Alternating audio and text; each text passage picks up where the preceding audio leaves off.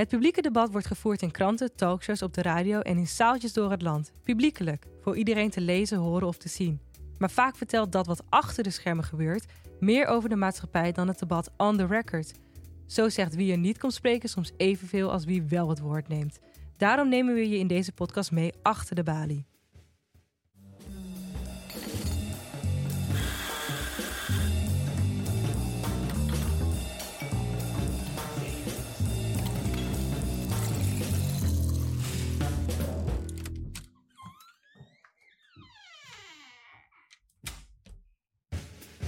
Mijn naam is Rogaya Sek en dit is Achter de Balie. In deze podcast laten we zien wat er achter de schermen gebeurt bij het maken van programma's. Omdat in de manier waarop een programma tot stand komt, of misschien juist niet, vaak te zien is waar het pijnpunt in de discussie echt zit. Met vandaag bedreigingen. Mijn collega, programmamakers Annemarijn Epker en Jante Mosselman hebben allebei een voorbeeld meegebracht van bedreigde sprekers, die zelfs op Nederlands grondgebied niet veilig waren. Jante, we hebben nogal wat sprekers gehad uh, hier in de Bali uh, die bedreigd waren. Uh, nou, wie bijvoorbeeld? Veel, om maar een paar te noemen. De vrouwelijke imam Sharon Atis, journalist Chan Dundar, Charlie Hebdo-overlevende Zineb El Razoui. En dit zijn dan mensen die echt zeer ernstig bedreigd werden in, hun, in het land waar ze woonden. Um, maar er zijn natuurlijk ook mensen die wel dagelijks uh, uh, bedreigingen ontvangen, maar niet met politiebescherming over straat gaan, bijvoorbeeld. En welk inzicht heeft, hebben een paar van deze gebeurtenissen rondom uh, programma's met bedreigde sprekers jou gegeven, waar we zo meteen op verder gaan? Dat het toch wel heel moeilijk blijft om deze mensen uit te nodigen om hun verhaal te vertellen in Nederland en in de Bali. Um, en dat de overheid daar een andere rol in zou kunnen uh, spelen. Um, en ik denk dat het feit dat ze dat niet doen aangeeft dat het eigenlijk geen prioriteit heeft. Dus volgens jou heeft het geen prioriteit dat deze mensen uh, komen spreken. Daar gaan we zo meteen dan verder op in. Anne Marijn, waar wil jij het vandaag over hebben? Ik wil het vandaag met jullie hebben over het feit dat internationale organisaties zoals bijvoorbeeld Interpol gebruikt kunnen worden door landen die niet zo democratisch zijn als uh, ons land bijvoorbeeld. En dat op die manier ook de veiligheid en de vrijheid van mensenrechtenactivisten in Europa niet gewaarborgd kan worden. Dat zet eigenlijk aan op wat Jante zegt, maar het is dus ook interessant om te kijken naar hoe, de rol van die internationale organisaties. Dus eigenlijk, hoewel Europa zegt een uh, een veilige haven te zijn. Een veilige haven uh, die staat voor vrijheid. Uh, is het eigenlijk helemaal niet, wordt de, wordt de vrijheid helemaal niet zo goed gewaarborgd van die mensenrechtenactivisten. Ja, en kan het dus zijn dat je als gevluchte journalist in Berlijn niet in staat bent om van Berlijn naar Nederland te reizen en daarbij beschermd wordt door Europa of door de Nederlandse of Duitse politie? Ja, en dit voorbeeld wat je nu geeft, dat is ook echt gebeurd. Want welk voorbeeld wil jij met welk voorbeeld wil jij dit gaan bespreken? Eh, ik wil het vandaag gaan hebben over een programma wat ik probeerde te maken met de Turkse journalist Can Dündar. Hij was jarenlang de hoofdredacteur van de Turkse krant Cumhuriyet, wat een van de grootste, oudste kranten is van Turkije. Een beetje vergelijkbaar met de, de Volkskrant bijvoorbeeld in Nederland. En we hadden hem uitgenodigd om de vrijheidslezing te geven. Dat is een langlopende serie van de Bali. Omdat hij um, terecht stond in, eh, in Turkije vanwege het publiceren van artikelen over wapenleveranties van Turkije aan Syrië. En heel lang werd dat ontkend, dat dat niet aan de hand was, maar hij publiceerde uiteindelijk de stukken waarin bleek dat het toch wel degelijk het geval was. Dat werd door Erdogan aangemerkt als het lekken van staatsgeheimen en daarvoor werd hij vervolgd en moest hij uiteindelijk vluchten naar, naar Duitsland. Ja, en je probeert hem hier dus in de Bali te laten spreken tijdens die vrijheidslezing. Uh, daar ging heel wat voor af, daar gaan we het zo meteen over hebben. Maar om alvast te spoilen wil ik beginnen met een fragment uit die vrijheidslezing, die hij uiteindelijk wel hier heeft uh, gedaan, hier in de Bali. Waarin hij vertelt hoe belangrijk vrijheid eigenlijk voor hem is en dat hij dat op dit moment ook mist. Uh, you get to prepare, uh, you get to appreciate freedom best when you lose it. Just like nice weather, water, and bread, freedom is missed when it's not at all or barely there. Ja, vrijheid mis je het meest als het er niet is of te weinig? Uh, zei hij tijdens deze lezing helemaal aan het begin in de lezing.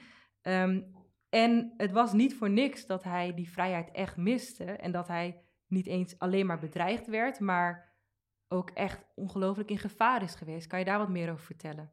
Ja, dus tijdens uh, het proces, uh, hij ging naar de rechtbank om zijn vonnis te beluisteren. En op weg daar naartoe, terwijl hij naar binnen liep, was er een man die probeerde hem neer te schieten. Dus die was zo boos op wat hij had gedaan, dat hij hem van het leven wilde beroven. En zijn vrouw is daartussen gesprongen en heeft gezorgd dat het geweer net een andere kant op heeft gevuurd. Dus hij is echt letterlijk, ja, was bijna er niet meer geweest op dat moment. En um, heeft zijn land hals over de kop moeten verlaten. Is in een auto gesprongen met een fles whisky op het moment dat hij doorhad dat hij niet meer veilig was in Turkije. En heeft gewoon zowel zijn familie niet meer teruggezien als eh, zijn huis niet meer teruggezien. En heeft het land gewoon moeten verlaten. En dat is natuurlijk heel, heel heftig. Een fles whisky nam je mee? Ja, dat is wat hij mij heeft verteld uh, achter de schermen. Maar... Um, want uh, Annemarijn, je wilde graag dat hij kwam spreken hier in de Bali. Eh, tijdens die vrijheidslezing. Ehm, hoe heb je hem toen benaderd? Ja, we hebben een uitnodiging gestuurd en daar reageerde hij meteen heel positief op. Hij was natuurlijk heel druk, maar ehm, hij kwam graag in de Bali spreken over wat hij had meegemaakt. En het leek allemaal gewoon heel goed te gaan, totdat ik denk uh, anderhalve week voordat het programma zou plaatsvinden, stuurde hij een bericht van: Ik ben erachter gekomen dat ik op de Interpol Arrest Warrant lijst sta.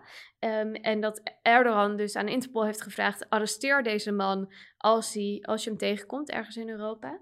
Um, en hij zei: Ik kan niet reizen nu. Want in Duitsland, weet ik, heeft het ministerie tegen mij gezegd: Wij pakken jou niet op. Wij geven geen gehoor aan dit verzoek. Um, dat is natuurlijk diplomatiek ingewikkeld. Maar als ik naar Nederland reis, ben ik vogelvrij. Dus hij zei: Ja, ik kan dat niet, want dan word ik opgepakt en uitgeleverd. Dus dat, dat risico kan ik niet nemen. Ja, wat was de volgende stap voor jou dan als programmamaker? Uh, nou ja, je had twee dingen kunnen doen. Je had kunnen zeggen van, ik begrijp je keuze volledig en we cancelen de vrijheidslezing. Maar ik voelde zo'n sterke urgentie om zijn verhaal juist te vertellen. En juist ook doordat, um, doordat die hele situatie met Interpol aan de hand was, dacht ik, we moeten zijn verhaal juist laten horen. We mogen niet zwichten voor zo'n uh, internationaal arrestatiebevel. Dus ik dacht na over wat we dan konden doen. En toen stelde ik hem aan hem voor van, zal ik anders met een cameraploeg naar Berlijn komen, waar hij op dat moment zat, om daar de vrijheidslezing op te nemen. En dan kunnen we die uitzenden op de avond zelf en daar het programma omheen bouwen, omdat ik het zo belangrijk vond om hem juist een stem te geven. Ja. En kan je daar nog wat van herinneren toen je daar uh, bij hem op bezoek ging eigenlijk? Ja, het was, het was uh, sowieso heel gek, want het was heel last minute dat we daar naartoe moesten. En hij woonde op een geheim adres, dus je moest uh, zes deuren door om uiteindelijk bij een heel klein kamertje te komen waar hij dan zat. En um, ja, ik twijfelde ook nog of hij zou komen, weet ik nog, want het duurde echt anderhalf uur voordat hij daar eindelijk was. Dus, en toen was hij daar en hadden we een heel inspirerend gesprek en ook een heel heftig gesprek eigenlijk over wat hij allemaal had moeten opgeven om zijn stem te verkondigen en um, om de waarheid te vertellen eigenlijk. En dat heb je toen uiteindelijk uitgezonden of is het anders gegaan? Ja, het, is een beetje anders gegaan. Want we hadden, zoals ik zei, het was een, bijzondere ontmoeting. Uh, we hadden een goed gesprek. En ik zat uh, terug in het vliegtuig uh, weer naar huis. En die nacht om Oh, ja, en we hadden een persbericht uitgestuurd van de vrijheidslezing is gecanceld vanwege deze en deze reden, helaas. Maar er komt een video, dus het programma gaat gewoon door. En om kwart over twaalf checkte ik mijn mail nog midden in de nacht. Ik weet ook niet waarom. En toen zag ik dat hij had gestuurd: Thanks so much for the nice conversation. I changed my mind and I will definitely come to the Netherlands to give my speech. Wow. Um, en uh, toen dachten wij meteen van oké, maar wat betekent dit ook voor de veiligheid? Hè? Mm -hmm. um, en hij stuurde nog een appje daarna, want wij vroegen van, oké, kun je toelichten? Want we moeten nu opnieuw een persbericht uitsturen dat je wel komt. En hij stuurde, I can only say this. Erdogan wants to use Interpol as his personal police force in Europe. If Interpol and the European governments, uh, such as uh, the Spanish and the, and the Dutch government, want to help him, that's their choice. We will challenge it. Thus, I decide to come to Amsterdam, whatever the risks are. Is natuurlijk echt heftig. Hij heeft gewoon gezegd: pak me maar op.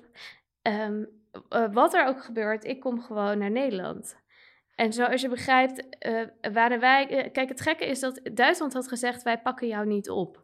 Dus daar was hij in principe veilig. Dus wat wij meteen hebben gedaan is aan buitenlandse zaken vragen: van goh, eh, er is dit arrestatiebevel. Kunnen jullie bevestigen dat jullie hem niet gaan oppakken in Nederland? Eh, dat is niet zo heel moeilijk, want dat doen ze in Duitsland ook. En daarop kregen we gewoon geen reactie vanuit buitenlandse zaken. eh, voor lange tijd. En het was gewoon onmogelijk om erachter te komen of hij ook in Nederland inderdaad aangemerkt stond als persoon die opgepakt moest Terwijl het worden. programma stond waarschijnlijk gepland op een bepaalde datum. Hoe, hoe, hoeveel tijd was het tot die... Hoe snel moest je dat regelen? Ja, ik geloof een week, anderhalve week of zo. En je had een goed lijntje met eh, de persoon die dat antwoord zou kunnen geven.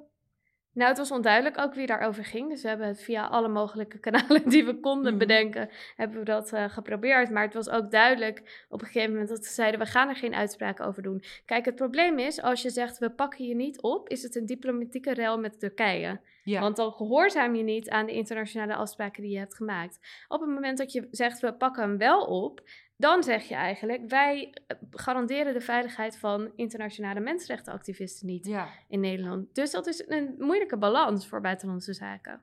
waar ze eigenlijk gewoon hun vingers niet aan wilden branden. Ja, het is makkelijker om je dan niet uit te spreken. Ja, en dan komt het moment, want Chanduna die zegt, ik neem de verantwoordelijkheid. Deze, van, deze, dit risico neem ik. Dus, dus die neemt eigenlijk zelf een soort verantwoordelijkheid dat het mogelijk is dat zijn eigen veiligheid in gevaar is. Maar als Bali en als programmamaker heb je ook een verantwoordelijkheid. Hoe heb je die toen afgewogen? Ja, dus dat, dat is heel moeilijk. Want aan de ene kant eh, vond ik het fantastisch dat hij wilde komen en dat we zijn verhaal konden vertellen. En tegelijkertijd voel je je als programmamaker heel verantwoordelijk, zowel voor die persoon zelf op het moment dat hij in Nederland aankomt, ehm, als voor het publiek in de Bali, als voor je collega's. eh, en ook wel een beetje voor jezelf. Dat je denkt van, Mhm. oké, wat is het risico dat ik nu loop als eh, deze persoon daar... eh, Want het was dus niet alleen, zeg maar, dat de politie achter hem aan zat. Maar het is ook, hij is een heel bekend persoon in Turkije, waarbij er zowel voorstanders waren van zijn werk als tegenstanders. Ja, Ja, ik had onlangs contact met hem en toen vertelde hij ook dat hij nog altijd in Berlijn dus niet gewoon over straat kan lopen. Dus ja, zijn veiligheid en vrijheid, zijn bewegingsvrijheid is gewoon ontzettend beperkt nog steeds. ja. Dus het is ook niet eh, voor niks dat... eh, hij is ook gewoon... Hij zit gewoon ook in een onveilige situatie. Ehm, de overheid neemt geen verantwoordelijkheid. Eh Chanduna neemt wel verantwoordelijkheid.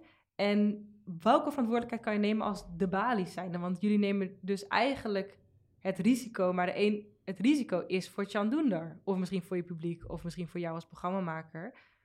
Eh, maar het grootste risico is voor Chandundar. Ja, precies. Dus, dus eh, als de Bali, en, en als ik voor mezelf spreek ook als programmamaker, voelt het als een enorme verantwoordelijkheid om te zorgen dat hij veilig is. Dus we hebben hem eh, van Schiphol gehaald in een eh gepantserde taxi. En we hebben gezorgd dat overal waar hij was, dat er ook beveiliging was. Maar dat was vanuit ons geregeld. Dat, dat hebben wij, heb, heb ik geregeld op dat moment. Ja. Dus dat was niet vanuit de nationale eh, overheid. En hoe zag de Bali er toen uit op dat moment? Toen hij kwam, hè? Nou, het was, eh, nou, wat nog interessant is om te vertellen trouwens, is dat het dus onduidelijk bleef of ze hem nou gingen arresteren of niet. Dus dat was heel spannend. Maar op de avond zelf ehm, was de politie totaal van richting veranderd en werd hij onder begeleiding van een politie-escort uit zijn hotel gehaald en hier naartoe gebracht. En was er, stond er op elke hoek eh, politie om hem te beschermen. Dus waar de politie aan de ene kant heel lang zijn grootste vijand was, leek op de avond zelf dat ze zoiets hadden van we moeten toch iets met deze man nu die er eenmaal is. En, Hoe eh, verklaar je dat? Eh, ja, echt. Nou ja, een beetje zoals die tweestijd, zoals ik die net ook al schetste. Hè? Dus we, we kunnen niet wel iets doen en we kunnen ook niet, niet niks doen. Ehm, Of denk je dat ze officieel niks durfden te zeggen, ehm, omdat ze dachten dan zitten we hebben een probleem met Turkije, maar, als, maar onofficieel zullen we hem beschermen? Precies, ja, dat denk ik. Denk je ook dat die, ehm, denk je dat er sprake was van acute dreiging en dat ze daarom die beslissing hebben gemaakt? Dat, eh, daar heb ik echt geen idee van. Maar ik heb wel gemerkt dat eh, toen hij bijvoorbeeld op Schiphol aankwam, was hij iets eerder en eh, stond ik bij de verkeerde gate of de gate was gewisseld. Ehm, en belde hij mij vanuit een koffieshop waar hij zat van... Annemarijn, Annemarijn, waar ben je? Je zou me ophalen. Maar er zijn allemaal mensen die me belagen en ze roepen nare dingen naar me. En dus die, ja, ik denk dat hij dat wel degelijk zo heeft gevoeld. Maar ik weet niet of dat ook een dreiging was die bekend was bij de politie. Wat voor mensen waren dat dan die hem aan het belagen waren? Dat waren de Turkse Nederlanders, denk ik, die kritisch waren op zijn werk. Omdat ze ook al wisten Die dat voor- hij eh, zou komen, waren ze hem eigenlijk aan het opwachten. Nee, ik denk dat ze bij hem in het vliegtuig zaten. Ik geen idee. Was je bang die avond? Ik was best wel heel erg zenuwachtig eigenlijk. Eh, en enerzijds was ik zenuwachtig of het met hem goed zou gaan. Ik was zenuwachtig of het publiek veilig zou zijn. En ook toch wel een beetje voor mezelf, weet je? Dat je tegen jezelf zegt van... toch op een andere manier afscheid neemt thuis, s ochtends. Omdat je denkt, ja, je weet niet wie er in het publiek zit. Ehm, we hebben natuurlijk beveiliging, maar dat we geen... eh, eh, ja, als iemand besluit om een mes mee te nemen of een pistool mee te nemen... dan weet je niet wat er gebeurt op zo'n avond. Dus dat, ja, ik vond het wel spannend. Ja, en om even een beeld te geven van hoe de balie werd beveiligd, kon je zomaar de balie inkomen die avond? Nee, dus ze waren wel. Het was natuurlijk helemaal uitverkocht. Dat was het überhaupt al voordat het dus was gecanceld en opnieuw weer was aangekondigd en toch door kon gaan. Maar het was in no time uitverkocht. Ehm, en die lijsten zijn wel gecheckt door de politie. En je moest je paspoort meenemen op de avond zelf. Ehm, maar dat was het, geloof ik. Ja. En eh, hoe was hij? Nou, het was een enorm lieve man eigenlijk. En ook een heel optimistische man. Dat je soms denkt van, als, als ik in jouw situatie had gezeten, weet ik niet hoe ik aan toe was geweest. Ehm, maar hij, was een, hij had een enorme drive om zijn verhaal te vertellen. En ook om die, de persvrijheid te waarborgen in Turkije. En om bewustzijn te creëren over hoe de situatie daar nu is. Ja. En heeft het nog in Nederland politieke ehm, gevolgen gehad? Ja, dus het feit dat het zo'n een, enorm ding werd dat hij niet naar de balie kon komen omdat we hem niet konden beveiligen en toen weer wel, ehm, heeft tot kamervragen geleid van onder andere de VVD, SP en GroenLinks. En ik denk dat dat ook een van de redenen is natuurlijk dat er in de politiek zoveel aandacht voor was dat de politie misschien uiteindelijk wel heeft gedacht van goh, we moeten deze man toch beschermen. Ehm, maar er zijn kamervragen gesteld over waarom wij als Nederland ons daar niet over willen uitspreken. En hij is ook de dag na het programma gevraagd om te spreken voor de Tweede Kamercommissie Buitenlandse Zaken om zijn verhaal te vertellen. En ook Was je ook daarbij aanwezig? Ja. Hoe was dat? eh, was heel interessant en ehm, eh, tegelijkertijd ook wel shocking om te zien dat een partij als Denk bijvoorbeeld op zo'n moment heel kritisch is op hem. En bijvoorbeeld zei dat het lekken van staatsgeheimen niet alleen in Turkije verboden is, maar ook hier. Ehm, dus, die was, dus, dus dat was meteen echt een enorme eh, kritiek ook op het werk van Chan. Ja. Wat wel voor spanning zorgde in die zaal. Wat heeft jou deze, deze, deze aanloop van het programma met Can Dündar en ook het programma zelf, wat, heb je, wat neem je mee daarvan over bedreigingen en veiligheid? Nou, e- allereerst denk ik dat het heel belangrijk is dat je goed in gesprek bent met je gast over wat risico's zijn die je loopt. En dat je daarin als programmamaker grote verantwoordelijkheid hebt. En eh, tegelijkertijd heeft het me ook geleerd hoe moeilijk het is om iemand zoals hem een stem te geven in de balie. En hoe de organisaties die juist je vrijheid en veiligheid zouden moeten waarborgen, soms die ook enorm kunnen tegenwerken. Jante, er is volgens mij ook één, vooral één iemand die jou heel erg is bijgebleven als het gaat om eh, dreiging. Eh, wie was dat? Ja, Zineb El Razoui, zij, was, ehm, zij is journalist. Ze begon eh, eh, voor het Franstalige Marokkaanse blad Je Journal Hebdomadaire, eh een, een Marokkaans eh, blad, Franstalig. Ehm, en zij eh, was ook medeoprichter van een mensenrechtenbeweging Mali, eh, waarbij ze picknicks organiseerde in Marokko tijdens de Ramadan, wat natuurlijk best wel eh, controversieel is. Ehm, vanaf eh, 2011 publiceerde ze in het Franse satirische weekblad Charlie Hebdo en ging daar als 2013 vastwerken als redacteur. Ehm, en op het moment van de aanslag op de redactie in 2015 was zij niet in Parijs, maar ze was in Marokko. Ehm, maar ze heeft daarvoor natuurlijk ook al diverse doodsbedreigingen eh, gekregen. En zij werd eh, na die aanslag op Charlie, Charlie Hebdo, die zij- dus eigenlijk als het ware overleefd was, heeft omdat ze er niet was, eh, streng beveiligd. Ja. Ja, ze is een tijdje de meest beveiligde vrouw van Frankrijk geweest. En waarom wilde je graag dat zij kwam spreken hier in de Bali? Meerdere redenen. Eh, allereerst had ik wel eens een interview met haar gezien en ik vond haar een hele indrukwekkende eh, vrouw. Ik vond ook dat ze wel echt iets eh, te vertellen, dat ze iets te vertellen heeft. Maar wat ik ook heel belangrijk vind, is allereerst dat al die mensen die daar op de redactie werkten, werden al jarenlang bedreigd en ook heel heftig beveiligd in Frankrijk. Dus zij wisten dat er risico zat in wat ze aan het doen waren. Maar ze vonden het zo belangrijk dat ze dat risico eh, ja, negeerden of voor lief namen. Ehm, en dat vind ik heel indrukwekkend ook. Dat je het zo belangrijk vindt wat je doet en wat je zegt. En het spot drijven met alles. Ehm, dat je het gevaar wat daarbij zit, dat je dat negeert eigenlijk. Of dat, Ja. Je, ja, dat je je daar niet door laat leiden, niet laat leiden door die angst. Ja, Ja, dat vind ik heel indrukwekkend. toen heb je haar uitgenodigd, wilde ze komen. Ja, eigenlijk meteen. Ik eh, had ergens een e-mailadres van haar opgeduikeld. Ik had een mailtje gestuurd van, goh, wil je eens komen praten?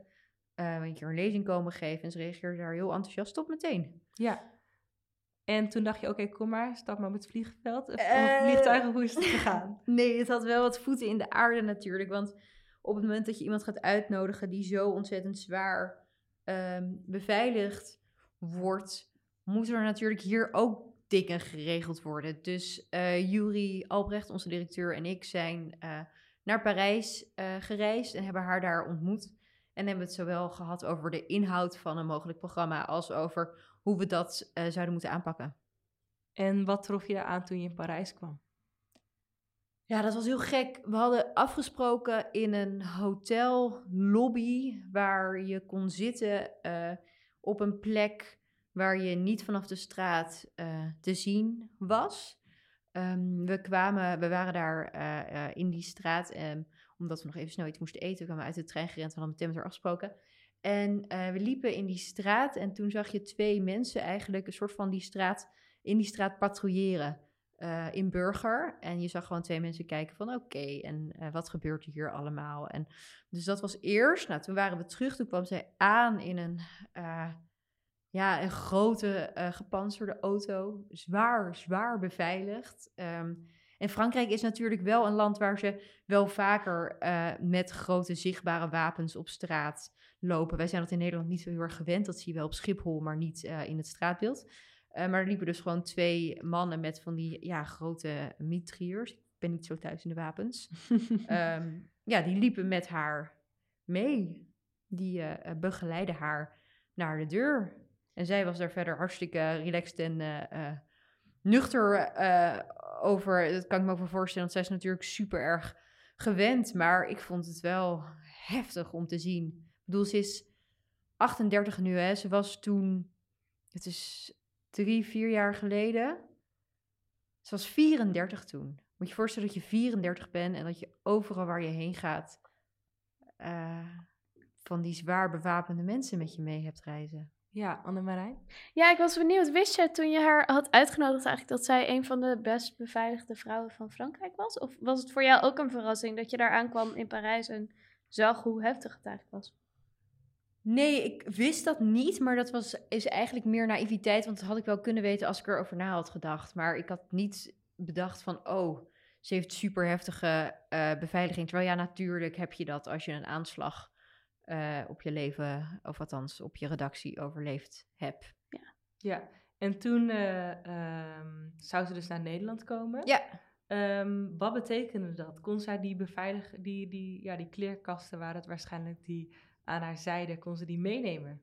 Nee, ja, dat was dus heel moeilijk. eh, en daar ontstond iets heel lastigs, omdat zij ehm, wilde eigenlijk graag, wat ik helemaal begrijp, de, eh, haar eigen Franse beveiliging meenemen over de grens.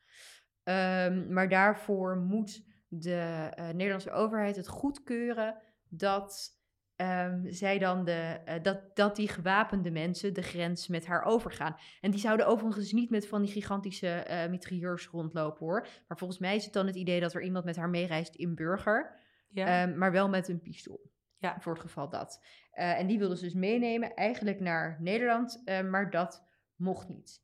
En dan zijn er verschillende opties, waarvan er eentje is dat bijvoorbeeld de Nederlandse overheid die beveiliging dan op zich neemt. Dus dat ze een soort van wisselen bij de grens. Maar ook dat eh, eh, gebeurde niet.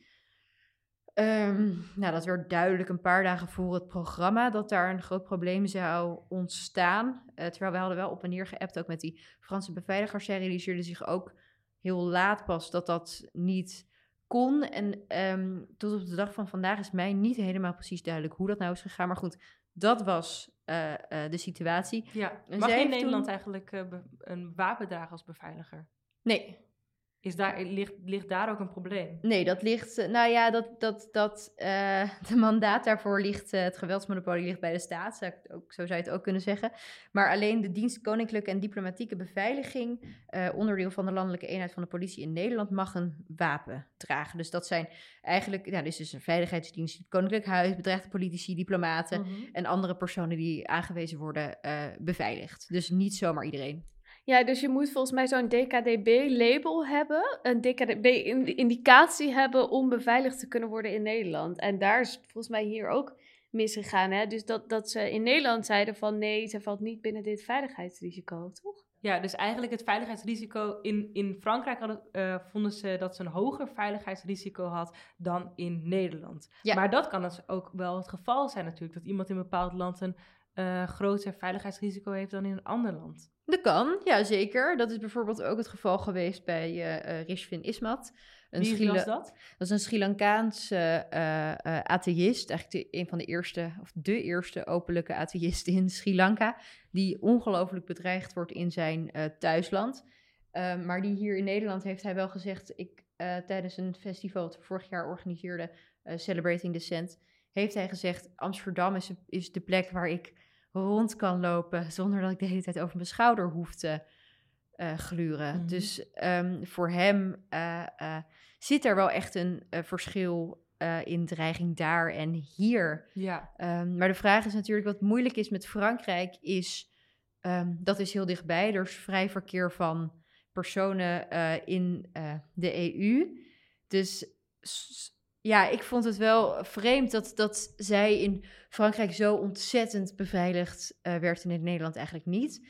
En nu zou je dan ook nog kunnen zeggen misschien ehm, dat die dreiging hier niet is. Of dat, dat de NCTV een inschatting maakt en denkt dat zij hier gewoon veilig en, vrij zou, ja, veilig en vrij zou moeten kunnen rondlopen. En dan, is het nog, en dan ja, heb je volgens mij nog een afweging eh, te maken, ondanks dat eh, eh, advies of wat het dan ook is eh, ehm, als Nederlandse overheid. Nou, je moet je heel even inleven in deze vrouw. Hè? Dus je bent eh 34, je, al je collega's zijn doodgeschoten. Je, bent, je wordt altijd en overal waar je gaat, word je herkend. Want iedereen heeft natuurlijk jou gezien en jouw foto's gezien. Ehm, je hebt dat allemaal meegemaakt. Je bent heel erg gewend om overal op stap te gaan met eh, beveiliging. Je ontvangt een uitnodiging van een cultureel centrum in Amsterdam.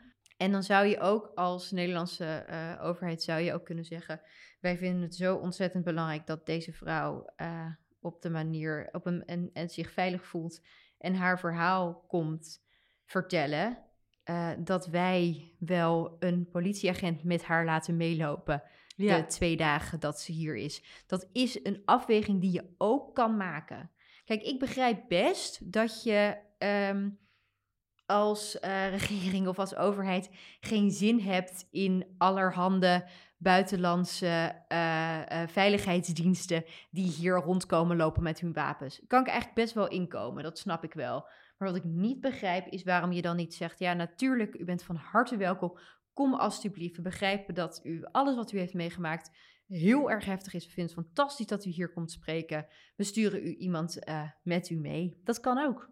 Anne-Marijn? Ja, dus dat aansluitend op dit verhaal eigenlijk eh, zagen we dat ook bij Chan Dundar. Hè? Dus dat was gewoon een, een journalist die zijn land heeft moeten ontvluchten, die hier naartoe wilde komen, waarvan we dan ons niet willen uitspreken over of we hem gaan arresteren of niet. En dat is natuurlijk als Nederland heel raar als je je voorstaat op je mensenrechten en je vrijheid. Ehm, is het heel gek dat je dan niet gewoon zegt: wij eh, zwichten niet voor Erdogan of wij zwichten niet voor eh, een diplomatiek gesprek met hem over waarom we hem niet oppakken. Maar ja. we houden het eigenlijk maar stil en we proberen te zorgen dat hij maar niet komt of dat er in ieder geval geen aandacht aan wordt besteed. En dat vind ik als Nederlandse overheid een heel ja. kwalijke zaak eigenlijk. Dus wat vertelt jullie dat over eh, het belang dat de Nederlandse overheid hecht aan dat deze mensen zich uitspreken hier? Nou, ik denk dat we heel vaak het conflict eh, graag uit de weg gaan. En dat we maar liever denken, blijf jij maar waar je bent. En ehm, dus, eh, die, die, dus veiligheid eigenlijk van Nederlanders, maar ook van zo'n spreker, laten prevaleren boven de vrijheid om je uit te spreken. En dat vind ik een heel fundamenteel debat waar we het volgens mij echt veel vaker over moeten hebben. En ik zou hopen dat je als Nederlandse overheid veel meer doet om dit soort mensen een stem te geven en hun verhaal te laten vertellen. Ja. Jante? Ja, ik was wel echt ook een beetje teleurgesteld of zoiets. We hebben haar natuurlijk nog een keer uitgenodigd eh, voor hetzelfde festival Celebrating Dissent als waar Rishvin Iswat, die Sri Lankaanse activist, aan meedeed. En toen heeft ze gezegd, ja nee, ik doe het niet nog een keer. We hebben toen natuurlijk Ja. wel, eh, net als bij Jan Doender, eerst privébeveiliging voor haar eh, Ja, uitgenodigd. want bij die eerste avond toen heb je haar opgehaald. En Ja. dat was een groot verschil met wat je aantrof in ehm, Parijs. Ja, het contrast ertussen was heel groot. Heel even terug nog naar de Nederlandse overheid. Kijk, ik denk gewoon, het heeft uiteindelijk niet echt eh, prioriteit. En in Nederland zijn we, eh, denk ik, een land wat zich heel erg houdt aan de regeltjes en afspraken. Dus als onze veiligheidsdienst zegt van ja, er is geen, er is geen dreiging, dan eh, ehm, kijkt niemand naar, goh, maar wat betekent dan, kan deze mevrouw, komt dan dus niet. Wat zegt dat over ons als land? Wat betekent dat? Kijk, daar kijken wij gewoon niet naar. En dat is een keuze, vind ik. Ja. Ehm, en dat contrast was inderdaad heel groot. Ik vond het contrast tussen wat ik daar gezien heb en... ehm, zij kwam dus met eh, de Thalys, ze kwam aan en eh, ik ben haar toen gaan ophalen Mhm. van het station. En gewoon eh, in mijn eentje, terwijl die twee privé-beveiligers die we hadden ingehuurd, die stonden te wachten ergens om de hoek. Eh, ik zag haar niet op het perron en dat kwam omdat ze buiten op het plein voor een sigaret stond eh, te roken. En zij was op zich echt wel heel relaxed hoor. En toen heb ik haar opgehaald en eh, meegenomen naar die auto. En dat was eigenlijk allemaal prima, maar het, ja, het contrast was wel groot. Ja, en dat is natuurlijk ook het ingewikkelde met dreiging. Dat er, er is een dreiging dat er iets kan gebeuren, maar het is pas, pas op het moment dat het echt gebeurt, Dan is het echt... dan is het waar. Maar dan zijn de, co- de, co- de consequenties ook gigantisch meteen. Ja, Ja, ja ik, ik denk daar wel vaak aan terug. Ik denk, zo, zeg maar, wat ik zo moeilijk vind van dit soort situaties, is ben ik nou echt een sukkel dat ik dat dan haar ga ophalen? Of is dat eigenlijk, ja, is er ook helemaal niks aan de hand? Ik vind het zo moeilijk om dat in te schatten. En wat denk je? Stoer of naïef? Weet ik niet. Ik vind het niet stoer van mezelf. Ik vind dat niet. Maar ik- is het nou verstandig? Dat is wel iets wat ik me heb afgevraagd. Joh, weet je wel, is het nou, is het nou handig van jezelf? Moet je dit nou doen? Ja. Dat, ja, dat weet ik niet. Annemarij? Ja, ik- eh, wat ik altijd denk, ten eerste, ik vind het super belangrijk om iemands verhaal eh, te vertellen. En tegelijkertijd vind ik het ook belangrijk om te luisteren naar hoe iemand de situatie zelf inschat. Dus als Chan Doendar zegt, ik kom, whatever the risks are, Mhm. dan, denk, dan ga ik voor je staan en zorgen dat je dat verhaal kan vertellen. Ehm, eh, maar als iemand zelf daarover twijfelt, zou ik diegene nooit in een positie willen brengen waarin je die risico's loopt. Nou ja, en wat ik wel veelzeggend vond aan de keer dat zij, dus die tweede keer heeft zij gezegd, eh Zineb El Razoui, dat ze dan niet dat nog een keer kon doen. En dat was ook wel iets waar ik mee zat, want ik vraag me dan wel af in hoeverre, zich, zij, hoeverre ze zich dan toen ze hier was veilig heeft gevoeld. Ja. In elk geval niet veilig genoeg dat ze dacht, ik doe het wel nog een keer. Laten we nog even, eh, om dit programma te eindigen, eh, luisteren naar het fragment van Sinab El Rasoui, die wel hier dus één keer heeft gesproken. Ook interessant om te vertellen dat jullie haar niet uh, met name hebben aangekondigd uh, op de site, maar dat jullie alleen maar hebben gezegd dat er een hele speciale gast zou komen. En dat geloofden mensen blijkbaar, want de zaal zat vol. En ergens in haar openingswoorden zei zij het volgende. After Charlie Hebdo attacks, uh, uh, when my colleagues were killed, we thought at the time that the worst, the worst thing happened and that nothing worse can happen. But actually, we were mistaken because we understood very quickly in France uh, that actually uh, the worst will maybe uh, just start.